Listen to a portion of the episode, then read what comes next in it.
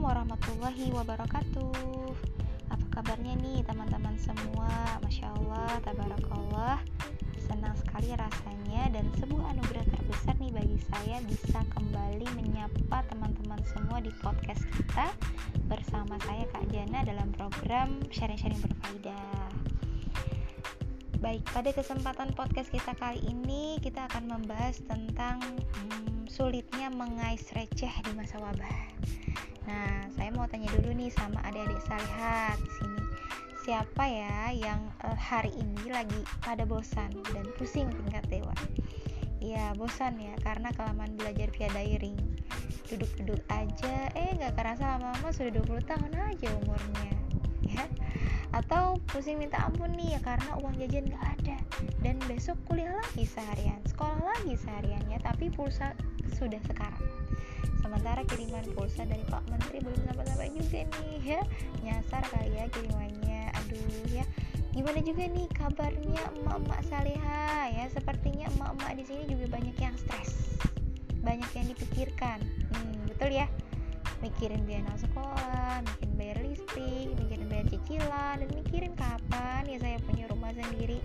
Kan suka sedih ya tinggal melulu sama mertua atau ngontrak mulu gitu ya gak punya rumah sendiri nah emak yang kayak gini nih kayaknya banyak ya termasuk saya sendiri loh tuh kita senasib nih mak nah akhirnya kita semua kaum hawa ini ya pada muter otak gimana caranya ya bisa bantui orang tua kita atau suami kita agar ketahanan ekonomi keluarga kita tetap terjaga.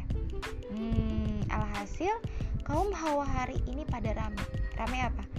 Rame bakulan jualan online ya dengan harapan dengan harapan kita semoga hasil jualnya bisa nambah buat beli pulsa ya atau paling tidak hari ini bisa masak enak di rumah, ya kan? Nah, jadi sampai di sini sudah paham ya Salihah kenapa beranda SW kita nih atau SG kita banyak iklan yang lewat. Ya, karena keadaan kita seperti inilah yang mengharuskan kita berbuat demikian, gitu ya. Akhirnya kaum hawa semua pada turun tangan menjadi penyelamat krisis ekonomi keluarga dan negara. Duh, ngenes ya. Nah, adik-adik dan Mama Salihah, pandemi kurang lebih hampir setahun lebih gitu ya Salihah sudah menemani hari-hari kita saat ini. Memang tidak hanya mempengaruhi fisik dan mental kita, tapi juga secara ekonomi sangat berpengaruh pada kehidupan kita saat ini. Tapi di sisi lain kita harus memahami nih Salia, bahwa usahanya wabah ini ya adalah bagian daripada kadonya Allah. Ya, artinya keimanan kita diuji nih Salia di sini ya. Keadaan ini tentu mengharuskan kita sama-sama nih ya untuk ikhlas, sabar ya, sering-sering bertaubat, introspeksi diri dan juga berikhtiar nih untuk melewatinya dengan baik. Nah, kalau kita baca berita atau yang sering mendengar kabar di masyarakat nih ya, upaya yang dilakukan pemerintah untuk mengatasi krisis ekonomi selama pandemi ini katanya nih dengan memberi bantuan-bantuan tunai maupun bantuan UMKM. Hmm, katanya sih ya buat mencapai ketahanan ekonomi keluarga dan menghindari resesi ekonomi negara. Hmm. Tentu kita apresiasi ya upaya ini. Tapi hanya saja kalau kita perhatikan dengan cermat ternyata usaha itu sangat belum cukup ya dan belum mampu mengatasi semua persoalan ekonomi keluarga dan negara kita.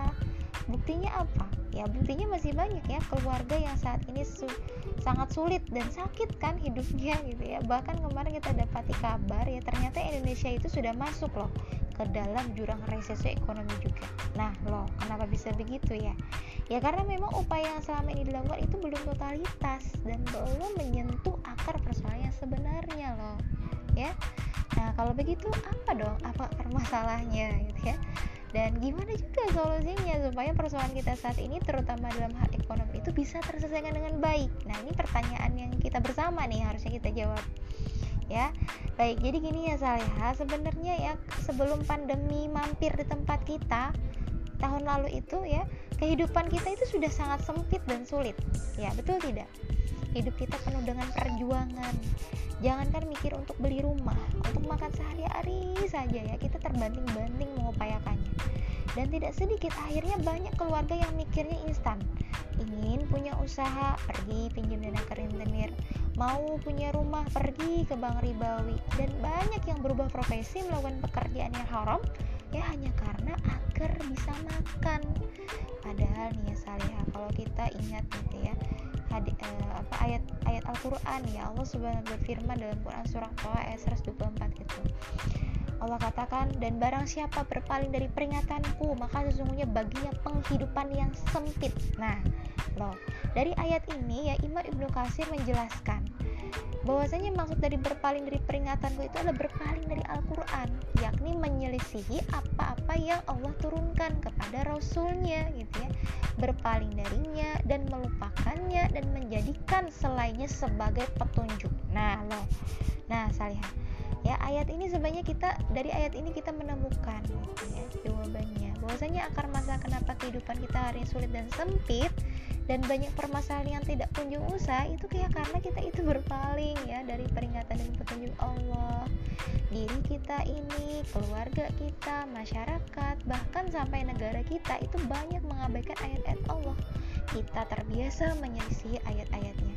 Bahkan kita itu berani ngambil hukum sekuler kapital buatan manusia itu tuh ya dibanding hukum syariat yang datang dari Allah.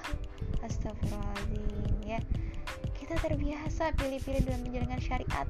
Sholat jalan, puasa jalan, tapi buka tutup auratnya, bebas pergaulannya, senang korupsi dan zolim pada rakyatnya.